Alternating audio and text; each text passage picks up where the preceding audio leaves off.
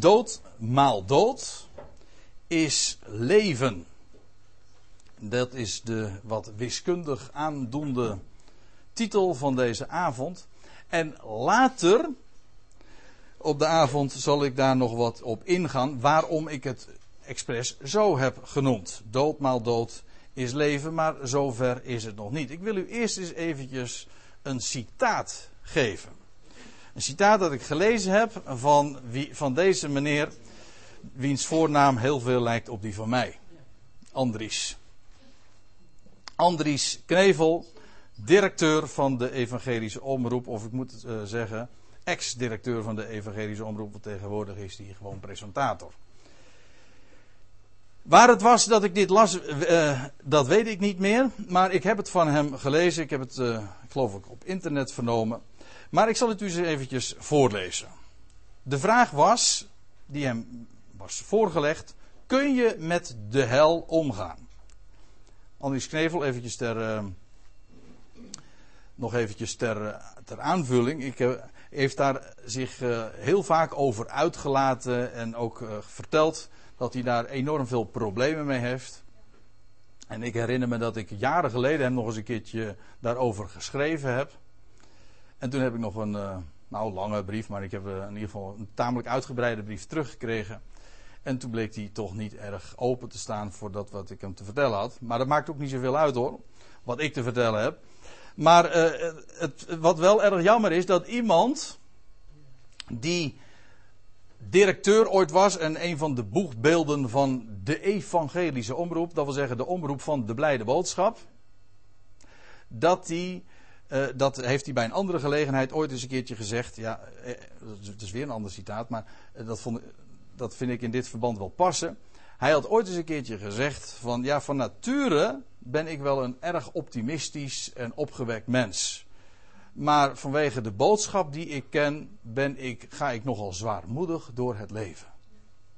Moet u nagaan, dat is de directeur van de Blijde Boodschap Omroep. En als het niet zo triest was, zou je er echt hard om lachen. Hoe is dat mogelijk? Zo'n contrast. Maar goed het heeft alles ook met dit onderwerp te maken. Kun je met de hel omgaan? En toen schreef hij, of zei hij, dat weet ik dus niet, maar in ieder geval, het is, het is een uitlating van hem.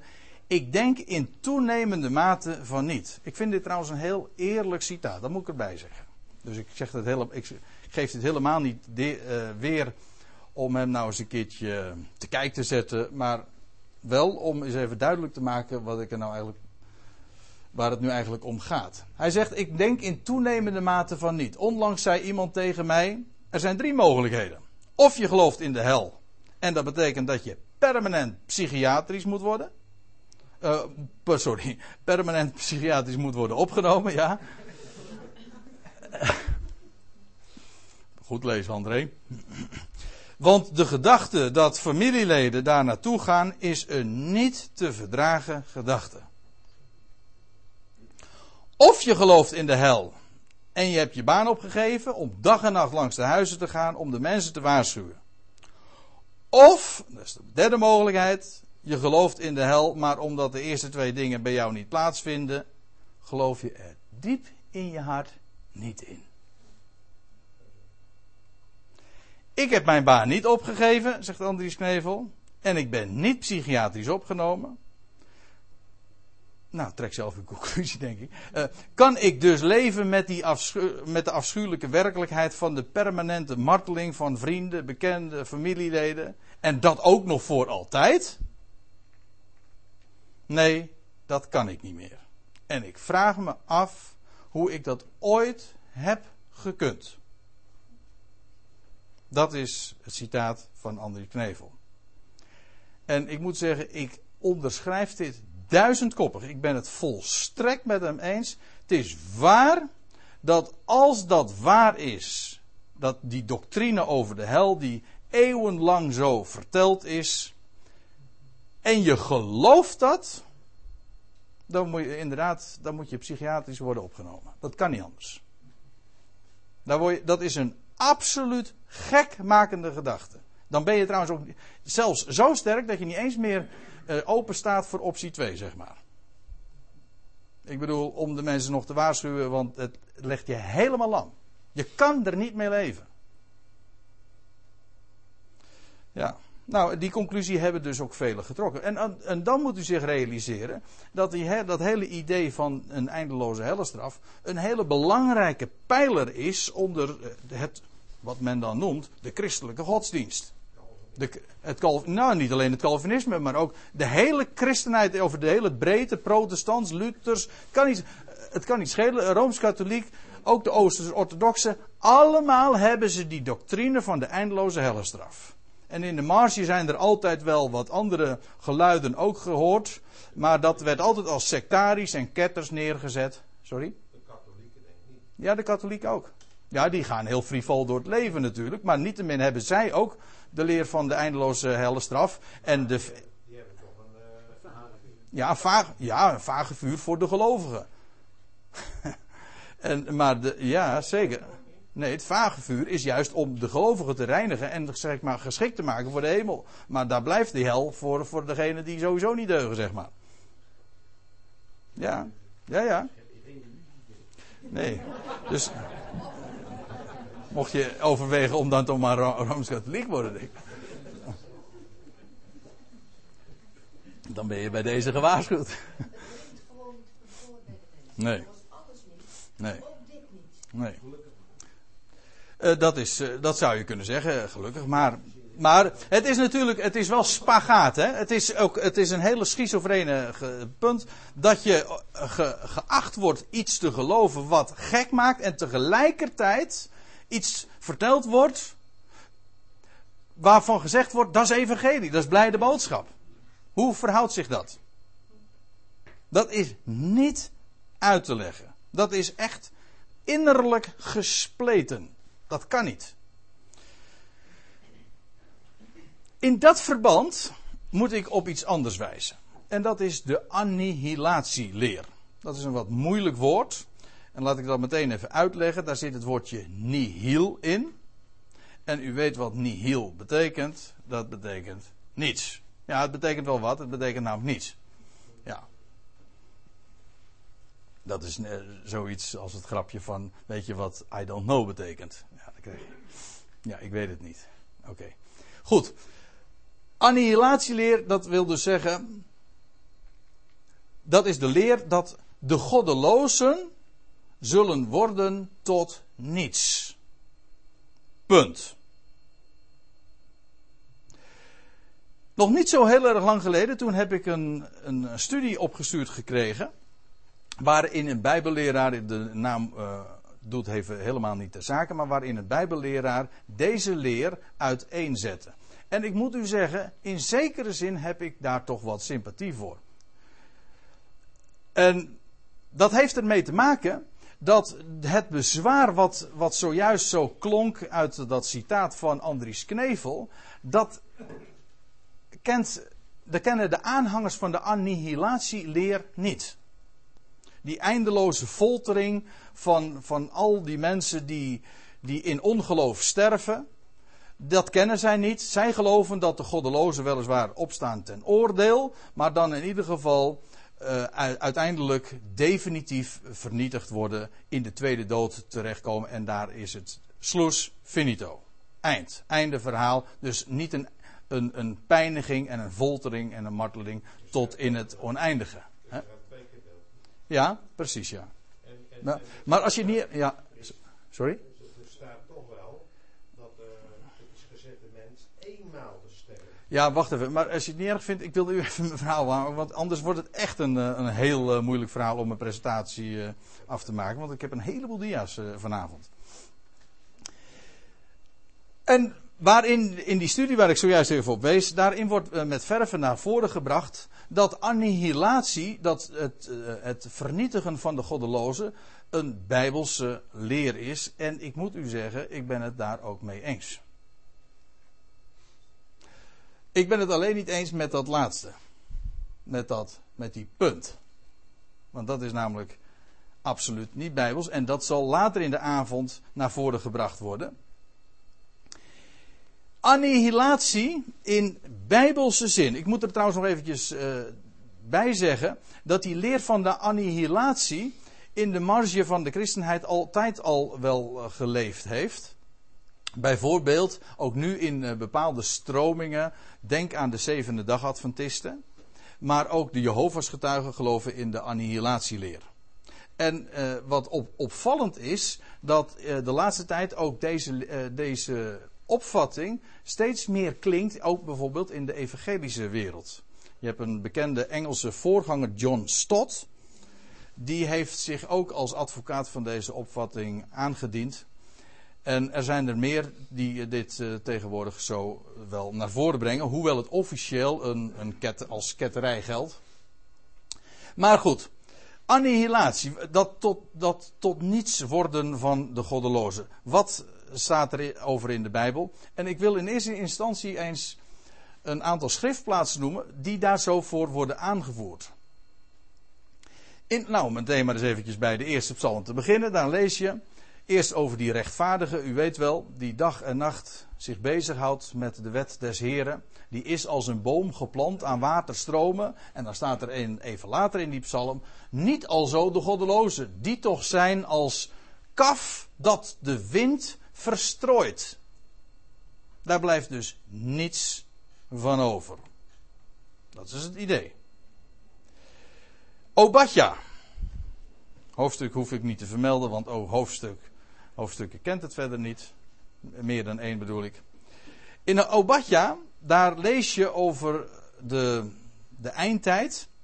Over de dag des Heren, staat ook in vers 15. Want nabij is de dag des Heren over alle volkeren. Zoals gij gedaan hebt, zal u gedaan worden. En even later, ja, zoals gij gedronken hebt op mijn heilige berg, daar in Jeruzalem dus, zullen alle volkeren zonder ophouden drinken. Ja, zij zullen drinken en zwelgen. Zij zullen worden als hadden ze nooit bestaan. Maar op de berg Zion zal er ontkoming zijn. En het huis van Jacob zal zijn bezittingen weer in bezit nemen. Nou, hier worden we duidelijk verplaatst naar de toekomst, waarin de dag des Heren zal aanbreken, waarin de volkeren vergelding zullen ontvangen, maar ook waarin Zion, daar te Sion, ontkoming zal zijn. Trouwens, dat staat op meerdere plaatsen in de profeten beschreven. Het huis van Jacob zal zijn bezittingen weer in bezit nemen. Dat wil zeggen, het volk zal door God hersteld worden in het land. Nou ja, een thema dat zo uitgebreid bij de profeten ter sprake komt. Maar ook van die volkeren lees je dus dat ze, met name die legers die zich daar, die zullen optrekken naar Jeruzalem en daar naar, het Midden-Oosten, daar in het land. Die zullen inderdaad compleet in de pan gehakt worden. En uh, een enorme slachting, want dat is echt het, het, het verhaal wat je ook daarover in de Bijbel leest, zal daar aangericht worden. En staat hier, ze zullen worden als nooit, al hadden ze nooit bestaan. Ze zullen gewoon dus te niet gedaan worden. Geannihileerd worden. Nog een psalm. Ja, ik kan heel wat voorbeelden daarvan geven hoor. Maar ik wil u zomaar eventjes toch vertrouwd maken met het feit dat de Bijbel daar wel degelijk ook over spreekt. Over annihilatie. Ook al is de term in Latijn, maar dat maakt niks uit als je hem gewoon vertaalt en, uh, aange en, en weet dat het betekent tot niet worden, dan blijkt het een, een notie te zijn die de Bijbel kent. Goed, Psalm 37. De Heere kent de dagen van de oprechte en hun erfenis zal in eeuwigheid, nou ja, u weet hè, tenminste degene die de trouwe bezoekers, die weten inmiddels hoe dat zit met het woordje eeuwigheid. Dat betekent gewoon eeuw, tijdperk. Daar heeft het mee te maken. En in de praktijk vooral de toekomende eeuw. Die eeuw, die aion, die gaat aanbreken. Dat is ook wat hier aan de orde is. De olaam die zal aanbreken. En dan zullen de oprechten, zij die uh, vertrouwen op het woord van de Heer, die zullen inderdaad het land uh, in bezit nemen, et cetera. Nou, eventjes verder in vers 20 van Psalm 37. Dit is trouwens Statenvertaling. Voorwaar de goddelozen gaan te gronden.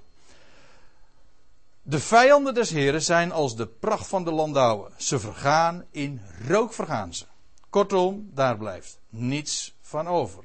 Me dunkt ook annihilatie. Ze worden tot niets. Er blijft niets van over.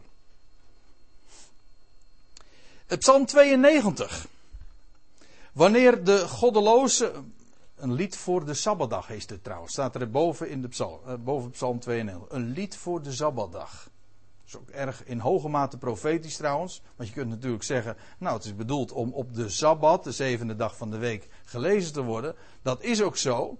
Maar de Sabbatdag is natuurlijk ook een aanduiding van de Sabbat die gaat aanbreken over deze wereld. Namelijk als, het, als de Heere zal gaan rusten in zijn schepping. En als de schepping ook tot rust zal zijn gekomen. Deze wereld eindelijk na zes dagen van duizend jaren zwoegen. Zal er uiteindelijk een dag van duizend jaren aanbreken. De zevende dag. Ja, ja, die gaat spoedig aanbreken. Die Sabbatdag. Nou ja, in ieder geval dan zal ook waar worden wat er in deze psalm staat. Wanneer de goddelozen uitspruiten, staat er als het groene kruid en alle bedrijvers van ongerechtigheid bloeien. Dat is de gang van zaken in deze tegenwoordige boze aion. Ze kunnen rijkelijk tot bloei komen. Als het groene kruid staat er. Zij, maar hier staat meteen ook wat hun lot zal zijn. Zij zullen voor immer, of voor de toekomst dat eigenlijk, maar ze zullen voor immer verdelgd worden. Maar gij, o heren, zetelt in de hoge voor eeuwig. Dat wil zeggen voor die eeuw die zal aanbreken. In ieder geval. Want zie uw vijanden, heren, want zie uw vijanden zullen te gronde gaan. Verstrooid zullen worden alle boosdoeners. Dit staat dus allemaal zo zwart op wit in de Bijbel. En ik moet u zeggen, en, maar nou loop ik een beetje vooruit op wat we, wat we later in de avond ook nog zullen zien. Dat de, deze gedachte, die vinden we op zoveel plaatsen, met name in de psalmen, maar ook bij de profeten. En dat, dat moet je gewoon ook nemen zoals er staat. Kijk, de goddelozen, staat er in de Bijbel, die zullen vernietigd worden. Dat wil zeggen, die goddelozen komen niet meer terug als zodanig. Dat is al een heel belangrijk punt, zoals ik het nu zeg. De goddelozen zullen niet meer terugkomen. Zij zullen teniet gedaan worden. Dus dat heeft niets te maken dus met hun lot als mens, als schepsel. Maar als goddelozen zullen ze teniet gedaan worden aan hun goddel, aan, niet alleen maar aan hun goddeloosheid zal een einde komen, maar ze zullen niet meer een goddeloze zijn. Hebt u die? Dat is erg belangrijk, want ik zeg hem alvast even. Dat is namelijk wat er staat. Die goddelozen zullen voor immer verdelgd worden. Goed. Akkoord. In wezen het lot van, de, van elk mens is dat hij uh, doodgaat. Dus in wezen wordt elk mens geannihileerd. Zou je kunnen zeggen. Maar het gaat nu hier ook, en dat moet ik er ook bij zeggen. Het gaat hier. Ja, sorry, uh, Dick, als je het niet erg vindt, ik ga even. Want anders wordt het. Ja. Nou, nee, dat, dat, wordt, uh, dat wordt echt te lastig. Want ik, ik heb 40. nou, ik ben niet boos hoor. Ja, straks na afloop, oké? Nou, oké. Um, het gaat hier ook over het uh, toekomende vrederijk. En ook bij het aanbreken van die, van die aion, van die, van die eeuw. En bij die gelegenheid zullen de rechtvaardigen overblijven. Dat wil zeggen, die zullen het vrederijk ingaan. Die zullen niet, niet gedaan worden. Maar daarentegen de goddelozen, die zullen omgebracht worden. Die blijven dus niet leven. Het gaat hier dus ook specifiek weer, en dat zie je heel vaak in de psalmen. Het gaat hier dus specifiek ook bij, over het aanbreken van de dag des Heren. En dan lees je in dat verband lees je, en ik denk bijvoorbeeld ook aan wat Petrus zegt. Ik heb dat niet eens uh, afgedrukt, of u kunt het ook niet lezen, maar uh, op dit scherm. In Handelingen 3, dan lees je ook, bij die gelegenheid zullen de, de ongeloven, de, en ieder die niet luistert naar de woorden van deze profeet, gaat het over de profeet, de Heer Jezus Christus, die zal uit, zijn, zal uit het volk worden uitgeroeid. Dat zal straks ook daadwerkelijk gebeuren. Dat is, dat is niet zachtzinnig, dat begrijp ik ook wel, maar dat is echt in verband met het koninkrijk, met de regering over deze aarde, zullen die operaties worden voltrokken. Psalm 145, dito, met een sterretje zou ik haar zeggen. Want ook daar gaat het over de, het koninkrijk dat zal aanbreken. Ik ga dat nu niet aantonen, je moet het zelf maar eens nalezen in Psalm 145. Ik lees het even voor uit de Statenvertaling. De Heere bewaart al degenen die hem lief hebben, Maar hij verdelgt alle goddelozen. Wanneer, doet, wanneer zal dat gebeuren? Nou, straks bij het aanbreken van, van de toekomende eeuw. Dan zullen de goddelozen dus daadwerkelijk verdelgd worden. Ik vind het trouwens wel opmerkelijk. In de Statenvertaling komt dat eh, heel goed uit de verf. Want daar geven ze ook aan dat het hier een profetische psalm betreft. Er staat voor Shin. Dat zijn, je hebt een uh, heleboel van zulke psalmen. Die zijn profetisch ingedeeld. Waarbij het, het eerste couplet, zeg maar, de eerste vers uh, met een alef begint. En de tweede letter met, het, met de tweede letter van het Hebreeuwse alfabet. En de derde couplet met de derde letter van het Hebreeuwse alfabet. Zo ongeveer vergelijkbaar met ons Wilhelmus. Kent u dat? Het Wilhelmus is het eerste couplet begint met een W. En de tweede couplet begint met een I. En de derde couplet begint met een L. Nou, zo is de, dit is een bepaalde poëtische stijlvorm. Maar in ieder geval, daar zit nog veel meer achter dan dat ik nu zeg hoor. Het is niet alleen maar een bepaalde stijlvorm, maar ook in dit geval staat er een shin voor. En in, en in dat verband wordt er gezegd, hij verdelgt alle goddelozen. Maar nu moet u weten, dit is de Hebreeuwse letter shin. Maar weet u wat de shin is eigenlijk? Dat is dit. Ja, je, ja, je gebit, nou meer specifiek, je, een kies, ja, ja, een kiezen. Ja, niet kiezen als werkwoord, maar kiezen als wat in je mond zit dus. En wat, wat doe je met kiezen? Ja, precies malen. Ja. Uh, kouwen, maar dan, dan verpletter je ook de dingen. Nou, dat is precies ook wat er, uh, in, uh, wat er in dit vers vervolgens naar voren gebracht wordt. Zodat. Er staat bijvoorbeeld elders in, in deze psalm, weet ik even toevallig uit mijn hoofd, er staat er van Ayin. Dat is ook een Hebreeuwse letter. En dan vervolgens staat er aller ogen wacht, zijn op u gericht. Nou, ayin betekent namelijk ook oog. Dus dat, dat loopt parallel, die betekenis, de betekenis van die Hebreeuwse letter. En zelfs ook de getalswaarde, die hangt dan weer samen met de betekenis van de zin die erop volgt. Zo knap zit dat allemaal in elkaar. Hebreeën 10. Nou, dat is weer een wat ander verband. Maar daar staat, want indien wij opzettelijk zondigen, Nadat wij tot erkentenis der waarheid gekomen zijn, blijft er geen offer voor de zonde meer over. Maar staat er een vreselijk uitzicht op het oordeel en de felheid van een vuur dat de weerspannige zal verteren. Nou, eh, moet ik er een beetje. Uh, ja, moet ik erbij zeggen. Dat is een beetje lastig om, om zo midden in zo'n gedeelte een citaat door te geven. Want dan moet je toch iets vertellen over de context. Kijk, de Hebreeënbrief is geschreven aan Hebreeën, ja, en geschreven met het oog ook op de val van de stad Jeruzalem. De tempel zou binnen afzienbare tijd verwoest worden. En men zou ook vluchten uit de stad. De gaat uit buiten de legerplaats, hè, was het, uh, is het motto dan Hebreeën 13. Nou, tegen die achtergrond moet je dat lezen. Het zou binnen een paar jaar. Uh, zou de, de stad Jeruzalem compleet compleet verdelgd worden. Echt geen steen zou op de andere gelaten worden. Het, het, het, eh, de, de, de, stad Jeruzalem is in die dagen compleet veranderd in een, in een enorm bloedbad. En dan zegt de, de, de schrijver hier ook, en daar zaten namelijk ook vele Messiaanse Joden bij. Dat wil zeggen, Joden die tot erkentenis waren gekomen van de Messias, maar die inmiddels dreigden af te vallen. Dat is een van de thema's van de Hebreeënbrief. Velen hebben de boodschap toen losgelaten. Nou, zegt, uh, schrijft de, de, schrijver van deze brief. Ik laat zijn naam maar even in het midden, want per slotverrekening staat hij ook niet in de Hebreeënbrief vermeld. Maar dan zegt de schrijver.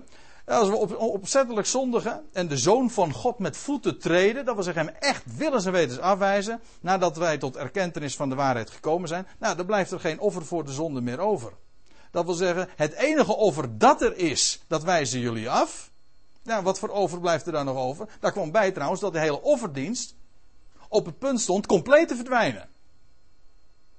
En tegen die achtergrond wordt dan ook gezegd, nou, er bleef een vreselijk uitzicht op het oordeel en de felheid van een vuur dat de weerspannige zal verteren. Is exact uitgekomen zoals het ook voorzegd is. En deze brief is geschreven slechts drie, vier, vijf jaar voordat dit werkelijkheid werd in het jaar 70.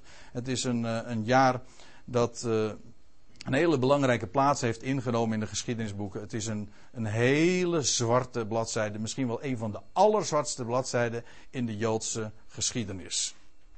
De verwoesting van de stad Jeruzalem en de verwoesting van de tempel.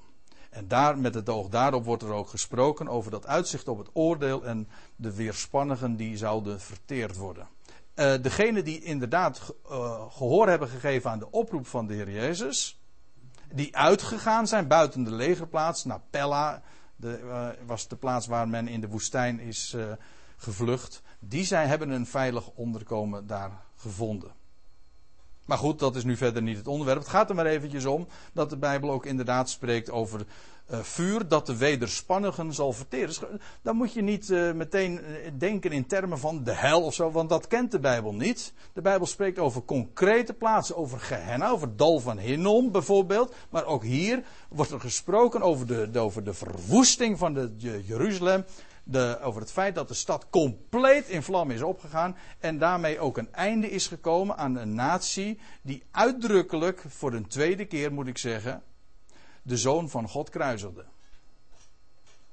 Nou, over de Hebreeënbrief zullen we het nu verder niet meer, niet meer hebben. Het gaat me even puur om dit gegeven. 2 Thessalonica 1.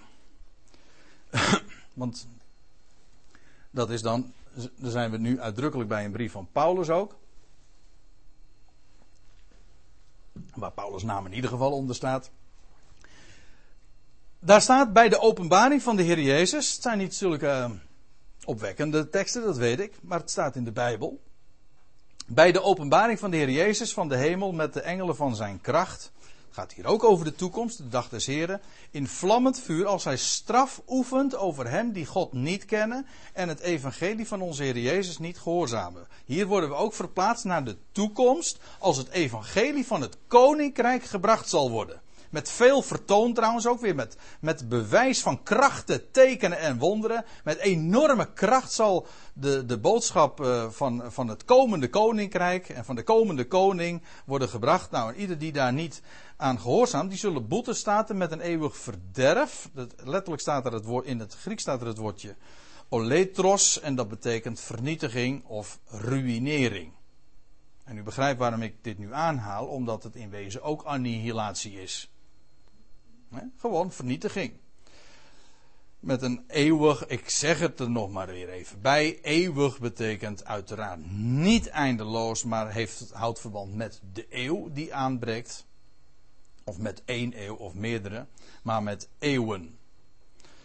Ver van het aangezicht des Heren en van de heerlijkheid van zijn sterkte wanneer hij komt. Dus hier worden we verplaatst naar de dagen van de toekomst en over, over de ernst die, uh, die er zich dan zal voltrekken.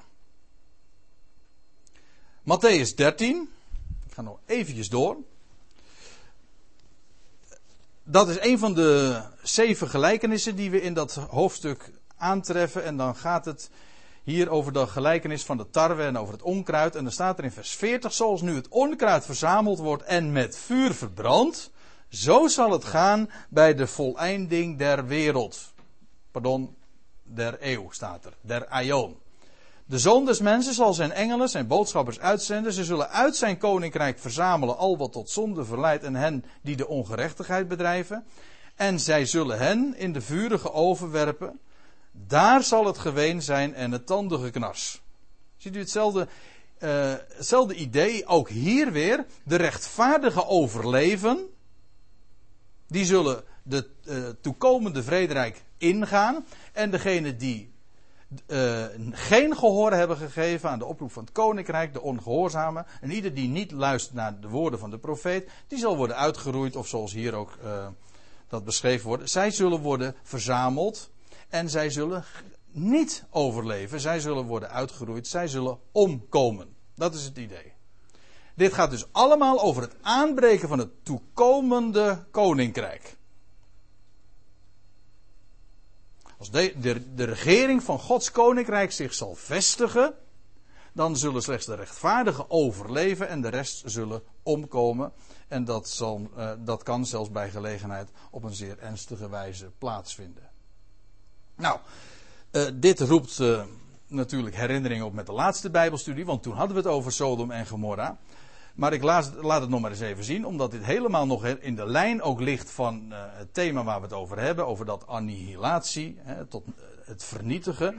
Want moet eens opletten, daar staat in, in vers 7 van Judas, zoals Sodom en Gomorra en de steden in hun nabijheid, die op gelijke wijze alsgene haar hoererij hebben botgevierd en ander vlees achterna gelopen zijn, daar hebben we het de vorige keer dus over gehad, die daar liggen als voorbeeld onder een straf van eeuwig vuur. En die plaats is nog te bezoeken. En als u daar meer over wil weten, daar links in de zaal, dus voor mij, uh, zit een, uh, een, jongen die, uh, die er pas nog is geweest. En speciaal ook een reis heeft gemaakt om dat allemaal eens te bekijken. En hij was zeer onder de indruk, is niet? Ja.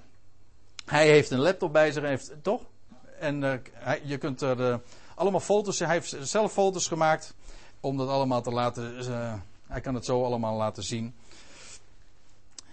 de overblijfselen van Sodom en Gomorra. En dat het echt waar is wat, de, wat er in de schrift erover staat. Het is een, daar is een eeuwig vuur over gekomen. Dat vuur brandt weliswaar niet meer, maar het heeft wel voor de eeuw zijn werk gedaan. Maar, er staat bij als voorbeeld onder een straf van eeuwig vuur. Betekent dat vernietigd? Ja, het betekent vernietigd. Betekent dat vernietigd punt? Nee. Kan je duidelijker zeggen? Nee. Zo bedoel ik het, ja. Want, wat zegt de schrift? Daar hebben we het de vorige keer ook over gehad.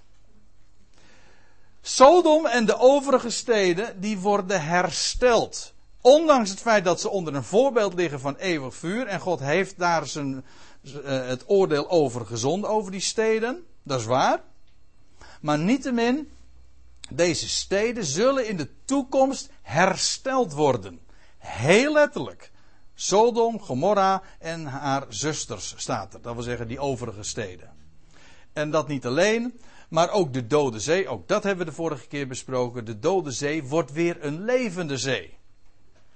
De dood heeft zo zijn werk gedaan, heeft een functie. Maar een tijdelijke functie, dat is eigenlijk ook de, de, de sprake die daarvan uitgaat. De Dode Zee wordt levend gemaakt en er zal weer gevist worden. Er zijn vissersplaatsen en echlaim, plaatsen die er nooit geweest zijn waarschijnlijk. En die er ook op dit moment helemaal niet uh, zijn, want de zee is zouter dan ooit en doodser dan ooit tevoren. Maar de, er zullen dan weer vissersplaatsen zijn en het zal een, met recht een levende zee zijn. Een levend water, moet ik eigenlijk zeggen, want ik weet niet eens of het nog een zee zal zijn. Überhaupt zou het zal zijn. Goed. En dan komen we op nog iets anders. Want tot dusver hebben we het gehad over oordelen die God voltrokken heeft in het verleden. Of nog zal, zal voltrekken over volkeren meer collectief, waarbij de, de, de goddelozen of de ongelovigen onder of hele steden, zeg maar, verdelgd worden of vernietigd worden. Maar ook in verband met personen lees je eh, over de grote witte troon.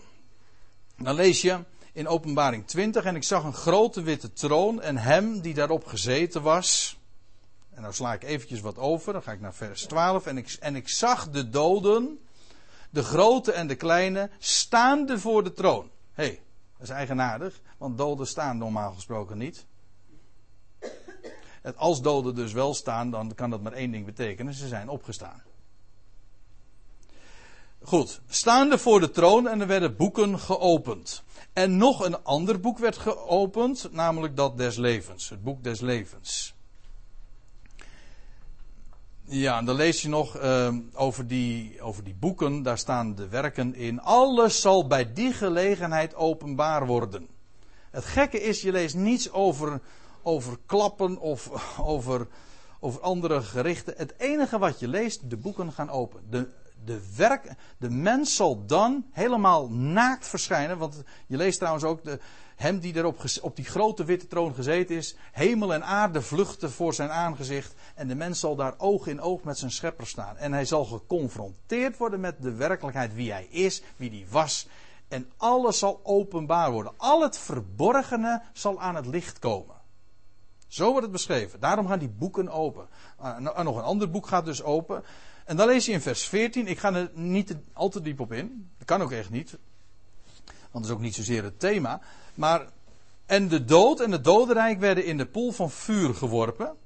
Dat is de tweede dood, de poel van vuur. Doet heel sterk denken trouwens aan de Dode Zee. Een zee, een meer. Dat, waar ook dat vuur ooit is neergekomen van vuur en zwavel, wordt in dat verband trouwens ook gesproken. Vers 15. En wanneer iemand niet bevonden werd geschreven te zijn in het boek des levens, werd hij geworpen in de poel van vuur. Dat is de tweede dood. Nou zou je daar natuurlijk een hele discussie over kunnen opzetten. En ik weet dat ik heb, ik ken hele gewaardeerde broeders die daar anders over denken. En dat is een, uiteraard een goed recht. Maar die dat symbolisch nemen. Persoonlijk geloof ik dat niet. Ik neem dit, uh, die poel van vuur letterlijk. Ik wilde trouwens eigenlijk even bijzeggen dat uh, het ook zo uitgelegd wordt. Dus als, als er staat dat is de tweede dood, de poel des vuurs, dan is de poel des vuurs een uitleg. Ik, vind het daar, ik, uh, ik geloof niet dat het uitlegkundig verantwoord is om dan te zeggen van ja, dat moet je ook weer uitleggen. Ik noem maar wat. In openbaring wordt er gezegd van de, uh, de zeven kandelaren die gij gezien hebt, dat zijn de zeven gemeenten. Of uh, de grote hoer die gij zaagt, dat is de stad Babylon. Dan is het eerste, zeg maar, beeld. En wordt, of in ieder geval, er wordt iets uitgelegd. En dan is het tweede, het concrete, de verklaring. Dat behoeft geen verklaring, dat is de verklaring. Nou, dan, daarom geloof ik dat de poel van vuur, dat moet je niet verklaren, moet je tot iets figuurlijks maken. Mijns inziens, mijns inziens, moet ik het wel goed zeggen. Uh, want dat is juist de verklaring. Zo zal dat gaan uh, gebeuren. Ook voltrokken worden. Het zal dus, uh, daar zal een tweede dood plaatsvinden. U moet zich realiseren, die mensen die daar staan, die waren al eerder gestorven. En nu sterven zij voor een tweede keer. Daarom dus de tweede dood. Ja, ik weet dat je op het puntje van je stoel zit, dik om daar uh, op in te gaan. Maar als je niet erg vindt, ik ga het toch gewoon even verder. Uh, zij sterven dus voor een tweede keer. En vandaar dus ook dat het de tweede dood genoemd wordt. Lees je helemaal niet iets over pijniging daar in dat verband? Totaal niet. Het is doods. Zij, zijn voor een, zij sterven voor een tweede keer en zijn daarmee dood. Goed. Nou kom ik eventjes weer terug op die annihilatieleer. Die zegt, de tweede dood dat is een teniet doen. En dan zeg ik, dat is correct. En dus, rode letters, punt, uit, finito. En dat is fout. Want in wezen, en daar wil ik het nu in het vervolg dan over hebben, daar moet ik het in het vervolg over hebben. Het in wezen is het een ontkenning van wat wij Pasen noemen. Wat eigenlijk Pesach is, de dag van de eerstelingsscharf. Wat we de afgelopen dagen zo sterk eh, bij bepaald zijn. Bij het geopende graf. Want wat betekent het geopende graf? De weggerolde steen. Anders dan de proclamatie van de dood wordt teniet gedaan. Kijk, van Paulus, uh, Paulus die schrijft in Romeinen 4 over Abraham. En dan zegt hij in vers 17, en dan citeert hij het boek Genesis, gelijk geschreven staat, tot een vader van vele volkeren heb ik u, dat wil zeggen Abraham, gesteld. Voor het aangezicht van die God, let op, voor het aangezicht van die God in wie hij geloofde. In wat voor God geloofde hij? Wel, die de doden levend maakt en het niet zijnde tot aanzijn roept. En als je het goed leest, dan, of als je, je kan zeggen van dit zijn twee dingen, maar bij nader inzien gaat het hier over één en hetzelfde. Want de doden levend maken is hetzelfde als het niet zijnde tot aanzijn roepen. Of, al, of nog anders gezegd, dat wat niets is, dat wat nihil is, of wat geannihileerd is, weer tot aanzijn roepen. Annihilatie is een bijbels Feit. Ik heb er een heleboel voorbeelden van gegeven. Maar dat annihilatie zou betekenen dus het einde. Integendeel, Abraham geloofde in die God die juist de doden levend maakt, oftewel het niet zijn dat tot aanzijn roept. In de Bijbel is dat trouwens het, in, echt hetzelfde. Ik kom er, ja, kom er straks nog even op terug. Uh, ja, daar kom ik op terug. Want, maar nu, nu al, al uh, iets anders. De bekende teksten. 1 Korinthe 15. 1 Korinthe 15, vers 26. De laatste vijand staat daar. De dood. Of de laatste vijand. Die te niet gedaan wordt. Dat is de dood. Te niet gedaan. Dat is, ik, ik citeer het trouwens uit de Statenvertaling. Dat is katar, katargeo. Is buiten werking stellen. Te niet doen. Inderdaad ook weer annihilatie. Let op. Kijk. Wat hier staat over de dood is dat ze te niet gedaan wordt. Moeten we geduld hebben, want staat er, het is de laatste vijand die te niet gedaan wordt. En dat is nou de grote clue waar we het voor de rest van deze avond over moeten gaan hebben. Wat betekent dat? De dood te niet doen. Kijk. Nou zijn we weer eventjes terug bij dat plaatje van het begin, weet u nog? Dood maal dood is leven. Nou, nou wordt het toch echt tijd om het eens eventjes uit te leggen wat ik daarmee bedoel. Kijk dit. Eh, de meeste van u hebben op school gezeten. Nou, een aantal van u herinneren zich dat vast niet meer. Maar toen hebt u ooit wel met wiskundeles, dat is een van de eerste wiskundelessen uh, geweest, ongetwijfeld dat u leerde dat negatief maal negatief is positief. Min 2 maal min 2 is plus 4. Ja. Nou, uh, ik kan het ook wat eh, duidelijker vertellen. Als je zegt van ja, dat gaat me allemaal weer een beetje boven mijn pet. Dan zeggen we dat gewoon zo. Ik zeg geen nee. Als, als mijn zoontje naar me toe komt en hij zegt van pap, mag ik eventjes een snoepje uit de trommel pakken? En ik zeg tegen hem, ik zeg geen nee. Tweemaal negatief. Geen Nee. Twee keer negatief. Wat doet hij dan? Oh, pardon. Nou ben ik. Uh, nou ga ik verder. ik, dan zeg ik ja. Ja, er zouden eventueel nog meer opties zijn, maar daar houdt mijn zoontje geen rekening mee. He? Ik, ja, is ook nee. Ja, ja. De uitdrukking. Ja, ja. Uh, nee. Ja, kun je net geloven. Ja, ja. Daarover wil ik nog wel een beetje in discussie, want positief maal positief is geen negatief. Nee, Theo? Daar geloof ik niks van. Maar. Uh, laat u ja, ja zijn. Ja, precies. nee, uh, maar uh, tweemaal negatief, dat is dus positief. Ja. Goed. Wat is dood in de Bijbel? Nou, ik ga even een paar hele simpele dingen erover zeggen. Het is het tegenovergestelde van leven. Wie leeft is niet dood en wie dood is, leeft niet. Het, is, het, het, is het contrast. Je kan niet beide, het is of het een of het ander. Of je moet het zeggen, eh, je kan ook leven en dood zijn, maar dan bedoel je het in het ene geval figuurlijk en in het andere geval letterlijk. Maar dat is, dat is niet de vergelijking waar ik het nu over heb. Het gaat over letterlijk dood. Het is het tegenovergestelde van leven. Dood in de Bijbel is ook een terugkeer. De eerste keer trouwens dat over dood gesproken wordt, dan heet, dan heet het ook een terugkeer. Stof zijt gij en tot stof zult gij wederkeren. En waarom, keerde de mens, waarom zou de mens wederkeren tot stof? Dewijl, staat de vertaling, hij daaruit genomen is. Het is een terugkeer. De mens, ooit was hij er niet. Vervolgens is die er, een jaar of wat. En dan gaat die, keert hij vervolgens weer terug en dan is hij er opnieuw niet meer. Dan is, nou, dan, moet, dan is hij er niet meer. Ooit was hij er niet en ooit zal hij er niet meer zijn. Zo spreekt de Bijbel er ook over de doden die niet zijn. Een terugkeer dus. Dan ben je met recht er geweest. Hij is niet meer. Of hij is niet meer onder ons, zeggen we dan.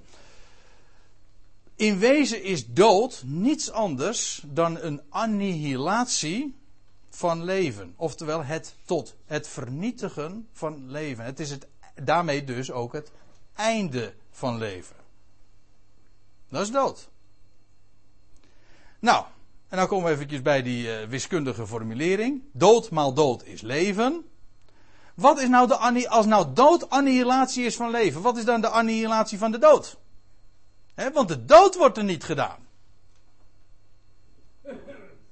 Het antwoord is heel simpel. Dat is de levendmaking van allen.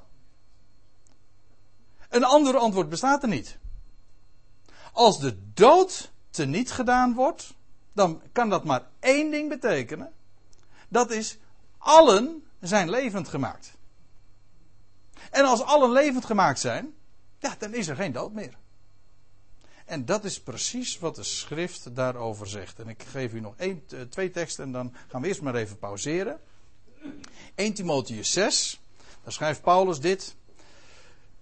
Ik beveel u voor God, ik citeer het uit de Statenvertaling. Ik beveel u voor God die alle ding levend maakt. Nou, letterlijk staat er, die levend maakt het al, tapanta. Het al levend maakt. Dat is God. Dat is een hele plechtige aanduiding. Daarom heet hij ook de levende God. Hij is de levende God omdat hij alles levend, maar het al levend maakt. Ja.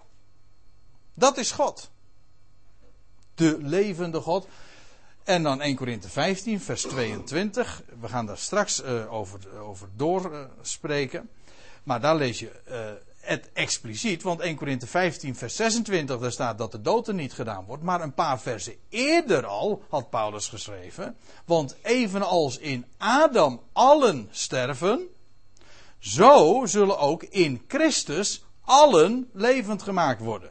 Het gaat hier over allen die in Adam sterven die zullen in Christus worden levend gemaakt. Dus levendmaking van allen. En daarmee en zo op die wijze wordt de dood er niet gedaan. Nou, daarover valt nog veel meer te vertellen, maar dat bewaren we eventjes voor na de pauze.